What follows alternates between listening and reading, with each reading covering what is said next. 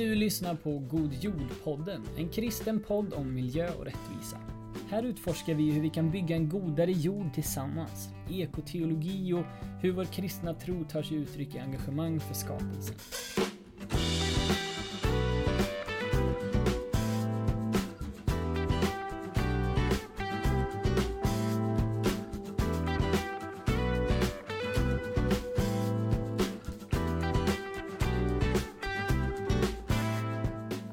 Då vill jag hälsa välkommen till eh, en livepodd med God Jord-podden, vår allra första livepodd faktiskt. Ehm, och det är väldigt kul för att när jag började de här idéerna med att, att eh, eh, starta en kristen miljöorganisation så var det många som sa till mig, även yngre men flest från den äldre generationen som sa Oh, vad, vad spännande, känner du till Harry Monsus?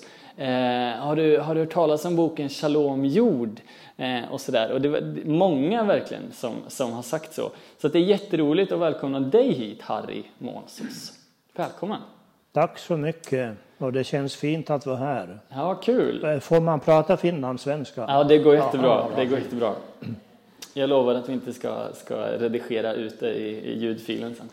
Eh, men först då, för som sagt, jag tror att du är i en, en viss generation av Sveriges kristenhet är du ganska välkänd. Men kanske inte nödvändigtvis för den, den publiken som vi har här. Nej. Vill du bara berätta lite om dig själv? Ja, man måste ju gå tillbaka i historien väldigt långt. Jag kommer ju från svenska Österbotten. Har vuxit upp i frikyrkosammanhang med pingstvännernas vita fladdrande tältdukar och och där så fanns det fortfarande någonting av den här väckelsevågen från en av de stora legenderna i nordisk kristenhet, nämligen Frank Mangs.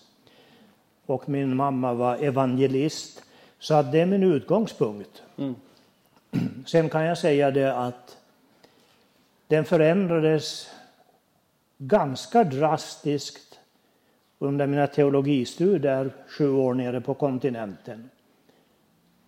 Det som drabbade mig först det var profeten Amos. Han är, han är ännu längre tillbaka i tiden, 2700 år. Och då ställdes jag väldigt snart inför frågan, ska jag ha det här smala individuella omvändelsebegreppet som jag vuxit upp med i tältmöten? Mm. Eller ska jag ta in det bibliska omvändelseperspektivet med med Amos och hela högen av profeter. Och det där blev en svår kamp för mig, för jag märkte ju att ja, men, kommer jag hem till Österbotten och börjar predika på det här sättet, då kommer de att stöta ut mig. Men som pastor och bibellärare på seminarier så måste man bestämma sig. Mm.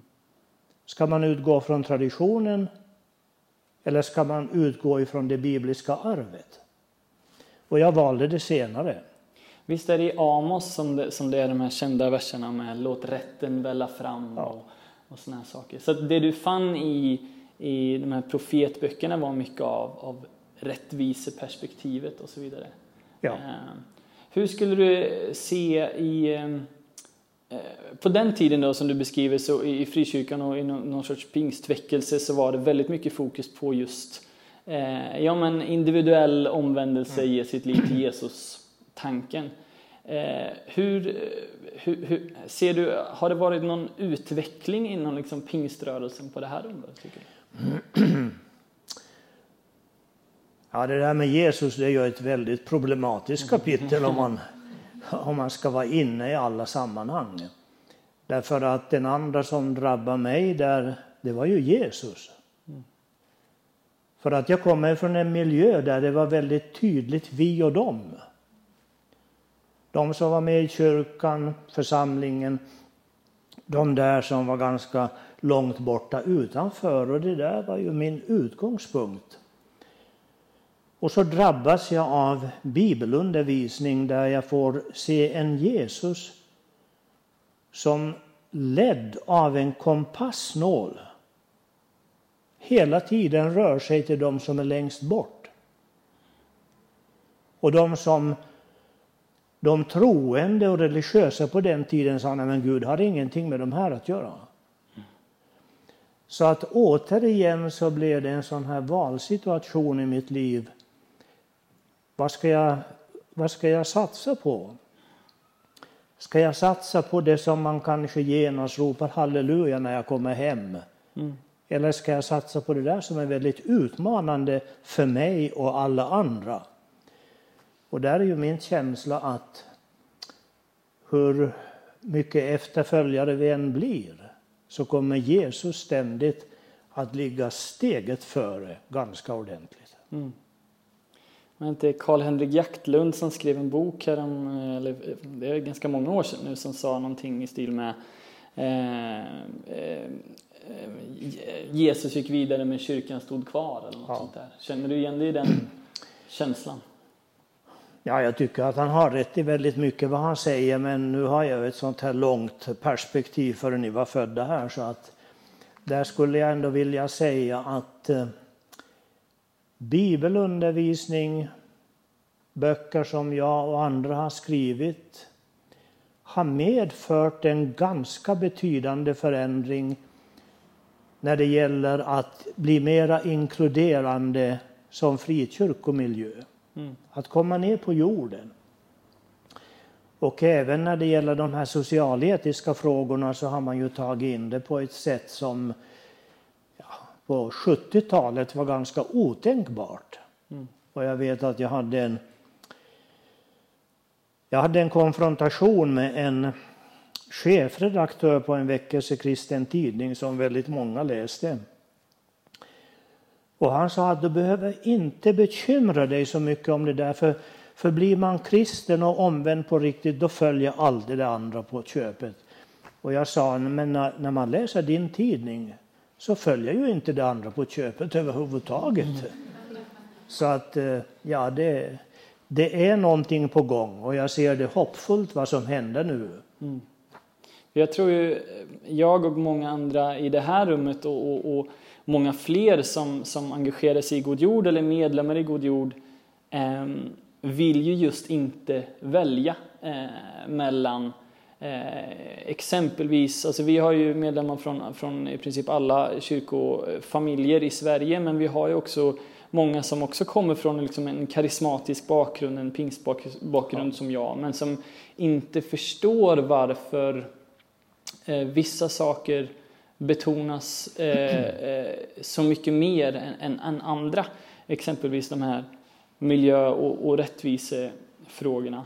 Eh, men vill du beskriva lite mer kring hur det har, eh, alltså eh, var det först rättvist, alltså hur, hur, om vi tar mer specifikt miljöbiten av det här.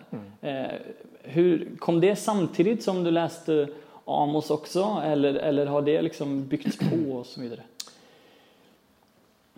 sysslar man med vad Bibelns skapelsetexter talar om ända från Första Mosebok till Uppenbarelsebokens slutkapitel så ser man ju att Gud vill den här jorden från första stund. Och även om alla andra ger upp hoppet så kommer han aldrig att ge upp hoppet om den här skimrande planeten i kosmos. Mm. Ända till sista stund så kommer Gud att arbeta för att det ska bli en ny himmel och en ny jord och de är inte på åtskilda platser utan enligt Uppenbarelseboken så kommer himlen ner till jorden. Så att det finns ju en, en fanfar genom hela det bibliska materialet att hålla ihop de här sakerna. Sen är det inte lätt till verkligheten. Och jag kan säga det att när jag började med de här, den här bibelundervisningen på 80-talet framför allt när mina böcker kom. Eh, då var det inte samma beredskap för att ta emot den andliga biten som det är idag. Eh, jag är ju uppväxt med en karismatisk väckelsekristen, nog för mig, och det ser man i Nya Testamentet. Det går ju hand i hand allt det här. Mm. Men på den tiden efter 68 så var det väldigt många som sa att du Harry, din bok där, Shalom jord, är väldigt bra. Men det finns ett andligt flum i den. Och det där med Uppenbarelseboken, hela sista kapitlet, och jag arbetar med en avhandling nere på kontinenten om just Uppenbarelseboken. Det där kapitlet borde du inte ha tagit med. Därför att det tar ju luften ur engagemanget. Och, och för mig är det precis tvärtom. Förklara, du menar just att det här eh, evighetshoppet inte, eh, inte gör att vi bara kan säga ja men Gud ska lösa allting eh, så vi behöver inte bry oss. Var det så andra läste dig så att säga? Ja, vi, vi pratade på den tiden och kallade det här för en kappsäcksteologi i kristenheten. Okay. Alltså man skulle ha kappsäcken eh, i princip klar för att Jesus kommer och så kan vi lämna den här vedermödan och eländet här nere.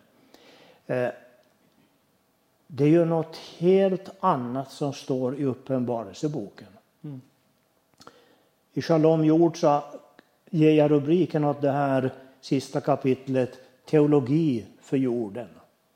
Därför att ända ifrån första stund, kapitel 4 och 5, så står det att Gud är på kommande till jorden och fanfarerna ljudar den himmelska världen och lammet sitter på tronen för att återta jorden. Och det är ganska häftiga saker som sägs där att det här stora Babylon som håller på att fördärva hela jorden och Guds verk. Eh, Guds folk ska dra utifrån den och leva ett annat liv som skaparen vill. Och det står till och med om den slutliga domen att han ska göra upp räkningen med dem som har fördärvat jorden. Mm. Så att jag blir nästan lite upprörd inför det här. Mm. Och samtidigt så vet jag att när jag talar på ett stort predikantmöte i Örebro på 80-talet när de hade läst min bok så tänkte de att vi ska ta hit Harry Måns och så och, och få lite liv i luckan. Så jag, jag föreläste om Uppenbarelseboken. Och det blev verkligen ett herrans liv efter det där. Ja, jag kunde berätta hela, hela podden om det där, men det, det, ska vi ta en annan gång. Men det är väldigt spännande, den här boken som du refererar till nu, Shalom jord. Du har också sagt att nu börjar folk fråga efter den igen på ett sätt. Ja. Som, eh, ja, för den finns inte att köpa just nu, eller hur? Nej, den har ju varit slutsåld för länge sedan. Det här, vi pratar ju om förra århundradet nu. Eh, men, Nej, men vad är tesen bakom, vad är konceptet shalom? Liksom? Vad, vad är det du här, driver i den boken eller vill tillföra? Ja, det är ju, vi, vi översätter shalom med frid och fred och, och, och sånt här, men det är ju ett helhetsbegrepp. Eh, det, det är ju Guds sammantagna vision för den här planeten. Så när vi hälsar varandra med shalom så det är en påminnelse om att stig in i det som Gud har tänkt sig med det här. Och I de här böckerna så visar jag då att vad det där rent konkret det är att vi får leva i ett djupt förhållande till Gud, till varandra som människor. Och vi blir ju inte människor. Jag menar, vi lär oss inte att skratta och gråta någonstans för oss själva utan vi behöver spegla livet för att överhuvudtaget bli människor. Och det, så här har Gud tänkt det. Och när vi säger shalom, då inbjuder vi varandra till det där. Och jag tycker att det är så fint att det är lika tydligt att relationen till jorden ingår i den här shalom-visionen. Och Gud kommer aldrig att ge upp hoppet om den här planeten. Och stämmer det vad naturvetenskapen säger idag att eh, det har tagit så, så många år. Jag, jag kan inte hålla reda på alla de här ljusåren hit och ditåt och, och, och miljarder år vad det är. Men har Gud suttit vid vaggan och sett den här planeten födas under så lång tid så vill det till att han ger upp hoppet om det.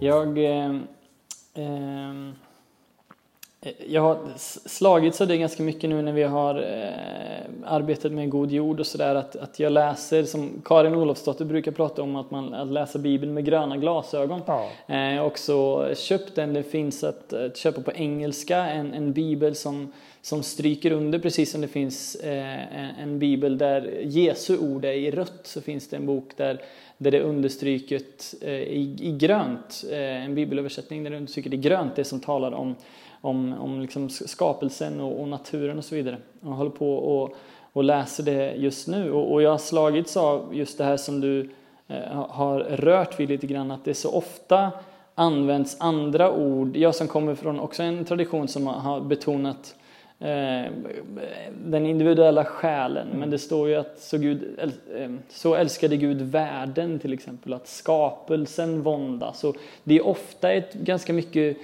Eh, större eh, sätt att prata om de här frågorna än vad vi ofta har, har gjort det till.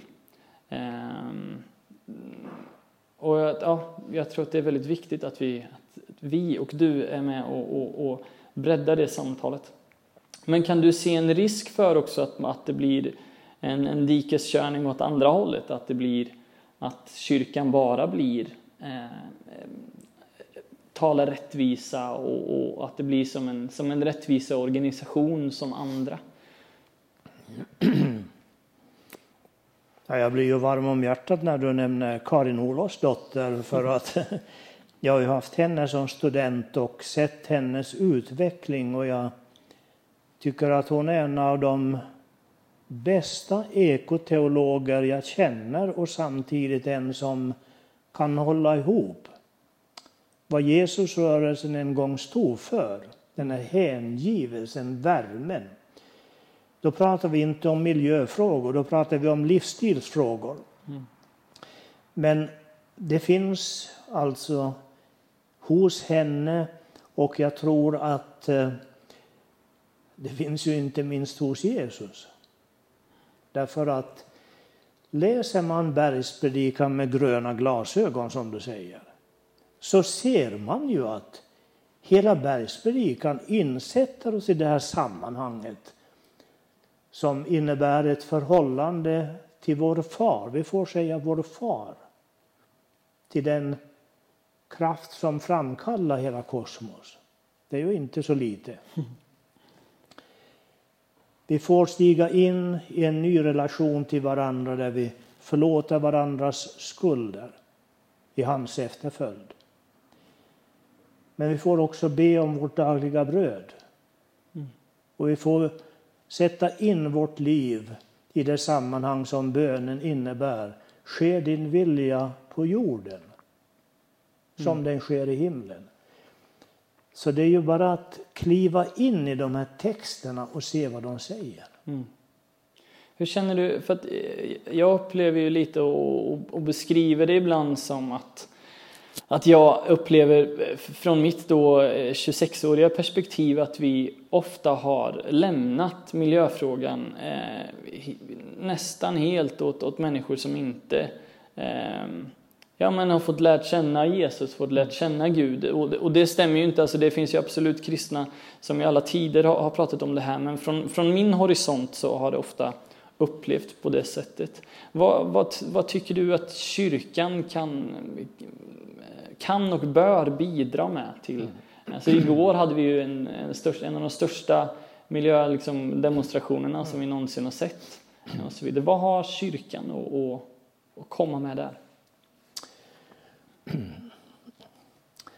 Ja, för det första så när jag utgår ifrån den här bibelläsningen av profeterna, skapelsetexterna, så har jag dragit slutsatsen, och det, det är rubriken på, mitt, på min senaste bok också, att Guds verkstad är mycket större än kyrkan. Mm. Och, och det kanske vi inte går in på i det här samtalet, men för 25 år sedan så hade jag förmånen att komma till ett ställe som jag tänkte att ja, men här har jag ingenting att skaffa ändå, men det var Olle Karlsson som ju är en ikon i Stockholm som präst i Katarina kyrka som kallade mig att bli hans kollega i behandlingsarbetet som var tolvstegsorienterat. Och där fick jag till min stora förvåning se att när människor ber om hjälp vid vägs ände med problem så är Gud så generös så fastän de inte har en fullfjädrad teologi direkt så reste de sig och gick ut i ett nytt liv. Och det innebär att vad Greta Thunberg och alla de andra över planeten gör, det ser jag som Guds verkstad. Och det är precis vad profeterna beskriver. Men det gör ju det desto mer angeläget att vi är där mm. som kristna.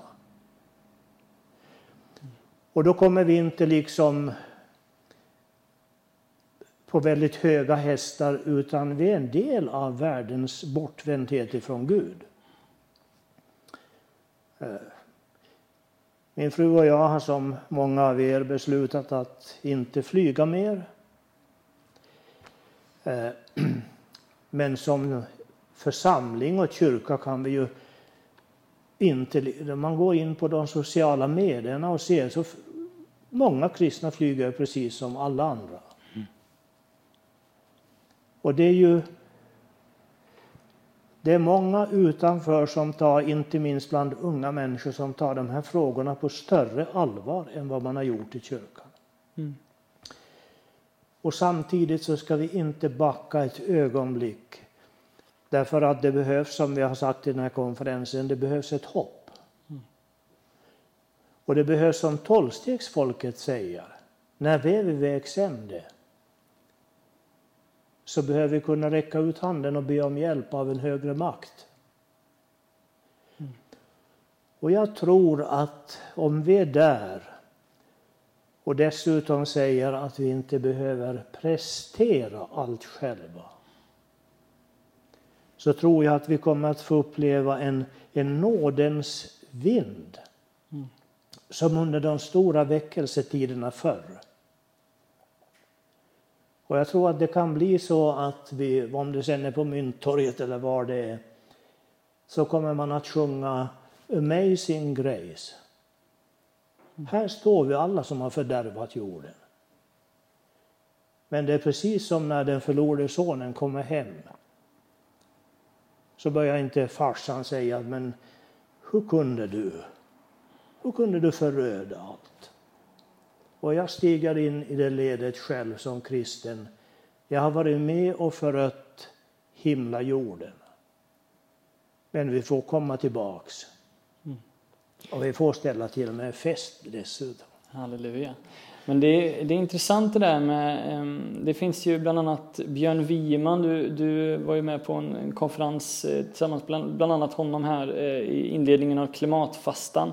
Eh, han och många andra som jag ser, så Johan Rockström som är en av våra mest kända klimatforskare, eh, Al Gore, det finns många av de här som, som, som refererar till Bibeln och pratar om att vi behöver det här språket. Alltså, vi står nu inför en typ av, av utmaningar och, och, och, en situation på en skala där Bibelns språk saknas i ett väldigt sekulariserat eh, Sverige. Och jag tycker att du ger eh, ja, men intressant exempel på hur, hur man kan liksom, eh, använda vår, vår kristna eh, tradition eh, kring de här frågorna. Just begrepp som nåd. Det är många mm. som bär på klimatskuld och klimatångest och mycket av sånt här som kan, som kan både vara väldigt jobbiga på ett personligt plan men också tror jag skada så att säga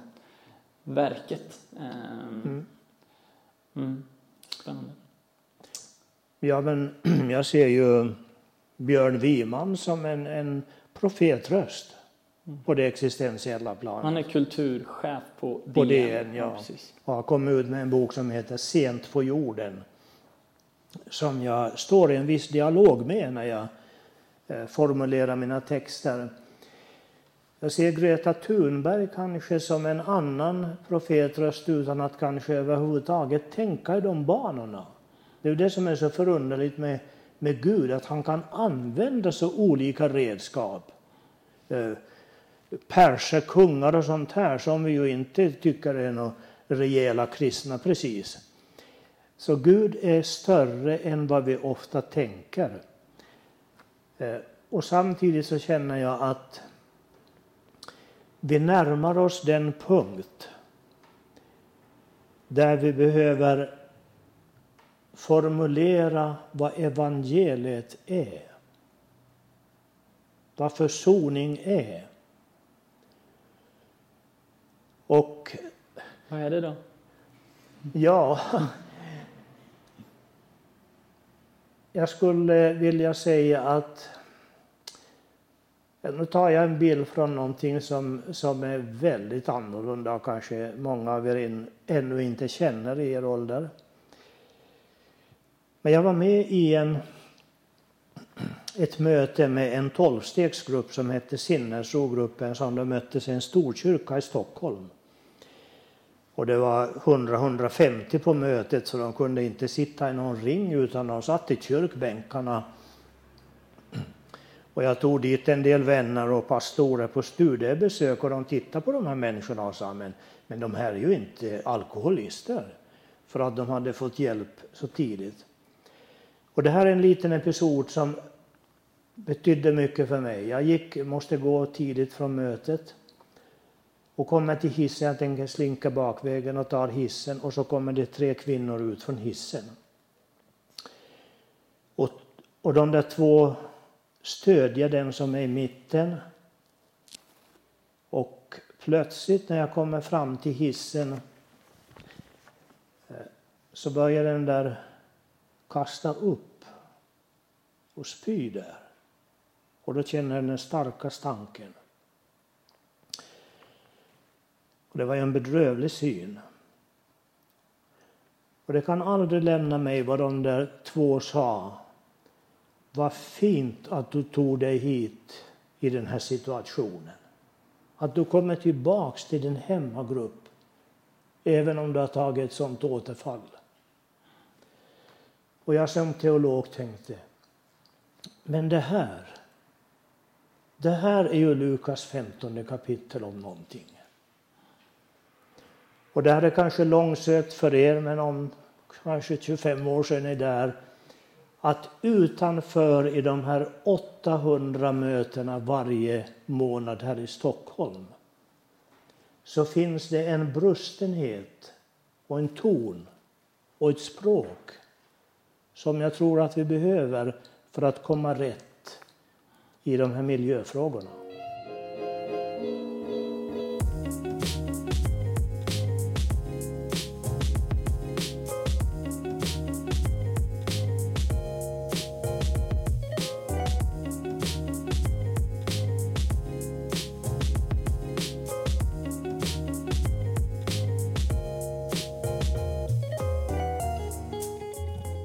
Snackade senast, eh, vi träffades på, efter ett, ett möte i Centrumkyrkan, så sa du lite sådär i förbifarten nästan att vi lever i en historielös tid. Sa du. Vad, vad menar du med det? Ska du ställa mig till svars här? ja, det där är ju... Jag kan, jag kan alltså ta ett väldigt konkret exempel. Jag har skrivit en bok om, som heter Min resa, en självbiografi som kom ut 2008, så för mig är det ju inte så himla länge sedan.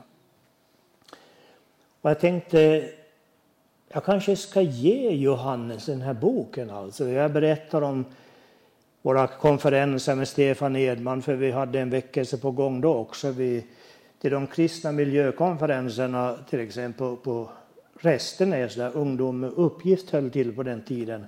Så anmäldes... Där har jag gått, en ungdoms, uh, ungdomsuppgift. Ja. Jaha, oj, oj, det var inte så långsökt som Nej, jag trodde då. Inte. Och, och, det kommer över 500 anmälningar. Wow. Och stället tar 350. Det säger någonting om den tiden. Mm. Uh, och vi fick köra konferensen i repris. Så det där är ju för mig väldigt nära och stort faktiskt. Mm. Och sen berättade jag om min kontakt med Frank Mangs och Bertil Paulsson, den, de här två legenderna i nordisk väckelsekristendom. Men när jag bläddrade genom boken och tänkte, ska jag ge den här till Johannes? Det här är ju en förfluten tid. Det här är ju historiskt bråte som Johannes inte ska lägga tid på som har god jord på gång med unga människor. Så att det finns en kontrast i den här boken som jag gett ut och som alla kan läsa på nätet som heter Guds verkstad är större. Där skriver jag om the great awakening, 1700 och 1800-talet. De här stora väckelserna som bidrog till att slaveriet avskaffades. Som födde den nordiska folkväckelsen med dess fina sånger av befrielse och nåd och försoning. Jag personligen har mina rötter där. Mm. Jag återvänder dit för att få hoppets bilder. Mm. Till Martin Luther King, Mm. Jim Wallis och ni får googla på de här om ni inte vet vem det är. Men jag tycker det är... Jag tar gärna emot boken. Mm. Jag har den där borta. Ja, det är bra. Ehm, nej, men jag tycker att det är väldigt intressant. Jag hade en, en, en period och, och, och egentligen har väl inte den gått över, det är bara att jag har så mycket, nu tvingar skolan mig att läsa så att säga, men jag hade en period när jag läste mycket biografier, bland annat Martin Luther King, Desmond Tutu som var med och eh, avskaffa eh, apartheid i, i Sydafrika, eh, Nelson Mandela Eh, och såna här människor. Och, och det finns ju så mycket att att hämta. Eh, alltså jag tror att det, det, kan finnas någonting positivt att känna att man så att säga bryter ny mark och att ja, men vi skapar någonting med god jord nu och sådär. Men, men det finns så otroligt mycket att lära av eh, och inspireras av de här tidigare rörelserna. Eh, ända bak till eh, profeterna och Amos och, och de här. Eh, så att eh, som en uppmaning till dig att, att eh, frimodigt tala om de här människorna när du möter yngre, för att jag tror vi behöver det. Jag tror mm. att det är otroligt bra. Och många, vi förenklar ofta bilderna av de här eh, stora människorna från, från förr. Martin Luther King blir ofta bara en symbol för eh, ja, svarta fick rösträtt. Eh, men han pratade om så mycket han predikade evangelium och det var inte bara eh, liksom rasfrågor, det var, det var rättvisefrågor och han pratade om eh, eh, han var otroligt liksom, politisk på många olika sätt. Eh, det finns mycket att lära där. Jag ska säga nu också eh, eh, att, att vi kommer alldeles, alldeles strax gå in i en liten eh, frågestund. Så att klura på om ni har någonting som ni vill fråga Harry. Eh, men du skrev en väldigt, eh, väldigt vacker och välskriven artikel i, i somras, tror jag det var, i tidningen Dagen. Om, och du nämnde ju tidigare här också med att, att du och din fru har, har eh, bestämt dig för att sluta flyga och så. Vill du bara... Ja, men... Hur, ja, hur, hur försöker du så att säga, leva ut det glada budskapet kring, kring miljö och rättvisefrågor men också kanske lite en kommentar kring individens roll kontra kanske kyrkan eller samhället eller politikerna eller företaget. Ja, om man, om man kommer till vårt hem så ser man ju att vi eh, att vi borde köpa en del nya möbler och, och liksom verkligen rusta upp för att få vara en del av Sverige. Det det, det är inte klokt att det, att det får se ut så här i, i något hus. Och jag brukar säga så här förr eh, när jag reste runt på, på konferenser att eh, en av de delar i helgelsen som är viktig för mig det är att dammet får ligga kvar i hörnen lite längre.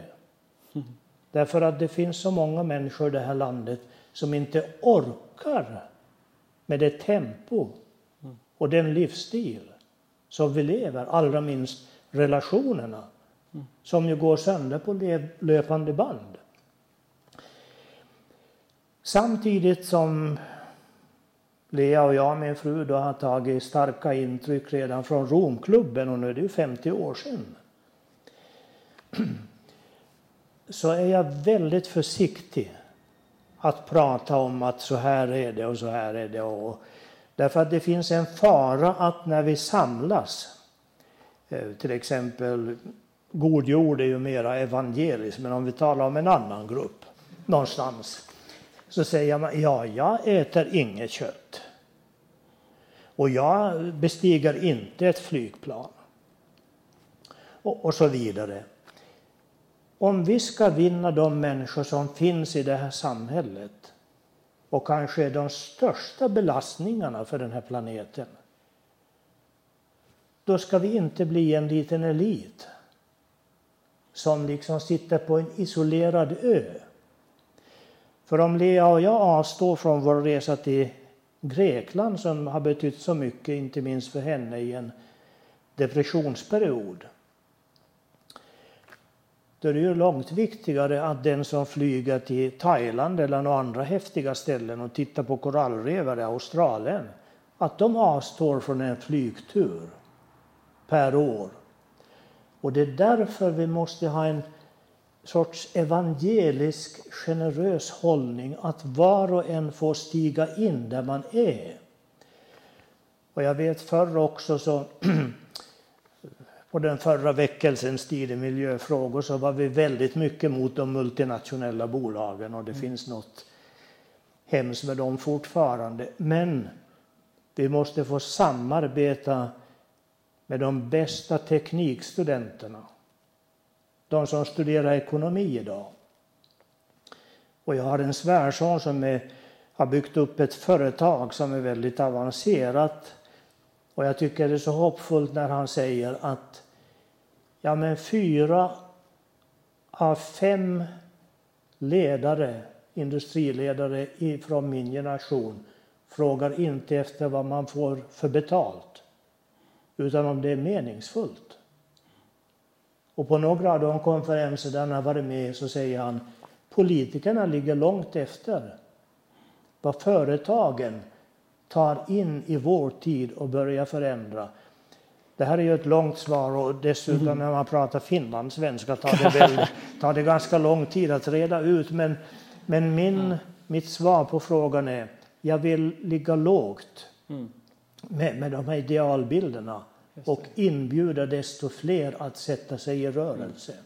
Men det är ett väldigt intressant svar. Om, eh, vi pratade här i morse om att vi har en, vad vi kallar en kommunikationstriangel i God jord där vi vill eh, dels eh, måla upp en positiv och, och, radikal målbild. Vi måste prata om hur det här samhället kan se ut och vara och, och kännas och, och varför det är eh, ett, ett glatt budskap mm. Eh, att, att komma dit. Vi måste ha inspirerande metoder, att det känns som någonting som att det här, jag vill hänga på den här vägen till det här härliga målet. Men också en, en inkluderande gemenskap, just att oavsett om man om man flyger eh, fem gånger i veckan i, i tjänsten eller inte så ska man vara med så länge man är med på att man eh, vill komma till det här målet om ett, ett, ett hållbart och, och, bättre samhälle. Men också den här tanken om att vi som, som kyrka alltså får, får vara med och kanske deindividualisera den här frågan lite grann. Att tänka mer som, som kyrka. Precis som vi samlade ihop pengar till en missionär som ska ut på missionsresa så kan vi så att säga samla ihop en lite koldioxidbudget och, och, och möjliggöra att någon kan flyga och så vidare. Ehm, och där tänker jag också att vi har någonting i kyrkans gemenskap att, eh, att bidra med, att, att, att göra det här tillsammans på ett sätt. Tack så jättemycket Harry Eh, för att du var med här och nu ska vi se om vi har några som vill fråga Harry någonting. Vi har några minuter innan vi ska bryta. Var frimodiga. Ja, vill du? Ja, kom och kör i micken så blir det nästan bäst. Oj, nu jag på att förstöra någons telefon. Ja, jag undrar om, om det finns något område som du tänker att eh det är ju förstås en otroligt bred, alltså miljöfrågan är ju enorm och finns det något område du tycker att ska fokuseras mer av god jord eller i allmänhet eller som, som kanske har glömts bort från din tid eller så?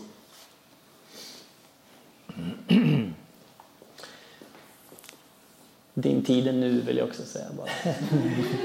ja, ja, det här, jag lever ju väldigt starkt en utmaning och i den här dagen med Björn Wiman och andra så, så talade, hade de bett mig tala om den, den stora förnekelsen, vägen ur den stora förnekelsen. Och det hänger samman med att ja, Wikman och Rockström har ju skrivit en bok om det här hur hela mänskligheten lever i en enda stor förnekelse. Och det där ser jag mycket tydligare utifrån behandlingsarbetet. Därför att en alkoholist till exempel, som har druckit bort sin familj, förött tiden med sina härliga ungar. Han orkar inte se det här i vitögat. Han måste förneka. Och det ligger en sån otrolig sorg bakom det vad som har hänt. Men utåt är han kaxig och liksom ganska stort ego så där visar fram. Men allt det där bär han inom sig. Och nu är det här kanske finsk mystik att komma in på här på slutet, men jag tror att vi bär på en kollektiv sorg. Vi har matats ända sedan tyst vår om alla arter som har dött vi orkar inte leva med det. Och folk orkar inte tanka bilen och, och boka sommarens semesterresor om man inte stänger av det här. Så att jag tror att vi bär på någonting djupt inom oss av sorg, skuld och till och med skam. Som är det värsta man kan förföljas av som människa. Och det är därför jag pratar så mycket om, om evangeliet, om, om pappan som står där ute på, på, på fältet och möter sin förlorade son. Att vi behöver få den, att nåden går före sanningen. För sanningen uthärdar vi inte. Så att det är åt det hållet jag skulle vilja utmana mig själv och andra. Och jag tror själv att när vi hittar den tonen, precis som när folkväckelsen gick upp längs Norrlandskusten och det sjöngs som aldrig förr, då kommer det att bli sång igen. Mm. Det hade varit härligt. En sjungande rörelse. Det är väl på ett sätt. Men... Gott. Är det någon annan som har någon, någon fråga? Be brave.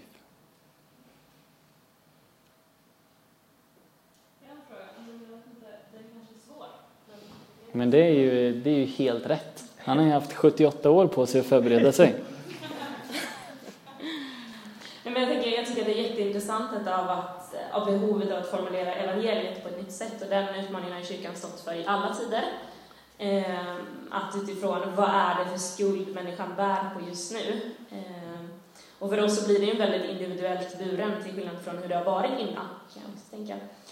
Eh, vad tänker du att vi kan lära oss av kyrkohistorien i, eh, i att våga formulera evangeliet på ett nytt sätt? Att inte liksom eh, stanna kvar vid eh, att evangeliet är eh, någonting som eh, en skuld som inte bär längre, om du förstår vad jag menar. För jag mm. tänker att det är där vi ofta brister när vi ska formulera evangeliet. Att eh, människor upplever inte att det här är inte ett behov jag bär på. Vad kan vi lära av kyrkohistorien? Förstår du vad jag mm. lite scoutar efter?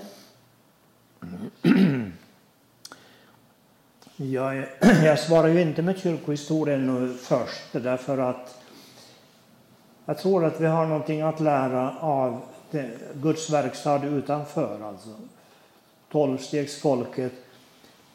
För, för de började med att de säger som det är. De säger att så här är det hemma vid köksbordet. Det här bär jag på. Och jag har lett grupper, delningsgrupper i kyrkorna här inne i city. Och det är ju de här utifrån som har formulerat frågorna om skuld och skam och sorg. Och vi äldstebröder och andra får sitta och lära oss sakta för vi har spärrar emot att det ska komma så här nära och bli så här personligt. Så därför tror jag att vi kan lära ifrån kyrkohistorien. Vi får framför allt mod. Men vi ser också i kyrkohistorien att det krävs kurage att bryta upp och formulera på ett nytt sätt. Och där finns en sorg i mitt eget liv att när jag kommer hem till Österbotten till de som förmedlar tro till mig så kan jag inte prata om det andliga med många av dem. Utan jag måste prata om gäddorna om de hugger fortfarande i vassvikarna. Därför att mitt ordförråd och vad jag pratar om känns så annorlunda så att de får bara djupa väck i pannan. Jag skulle ändå vilja säga att framför allt så får vi utmanas av evangeliska texter. Att sådana här ungdomar läser Bibeln tillsammans utifrån sin egen kontext, som vi säger, och börja formulera evangeliet därifrån. Och jag tror att Gud har investerat tillräckligt i er för att det ska vara möjligt. Men jag tror inte att det går på den här kulturens villkor där ensam är stark och alla ska skapa sitt eget liv. Utan där får vi göra precis som de gör i tolvstegsrörelsen. De säger att vi tar tag i en livlina, vi hjälper varandra. Och där får vi en styrka. Och det tror jag var styrkan i Kristi kropp en gång i tiden. Tillsammans för en god jord, som vi brukar säga. Tack så jättemycket Harry, en applåd tycker jag.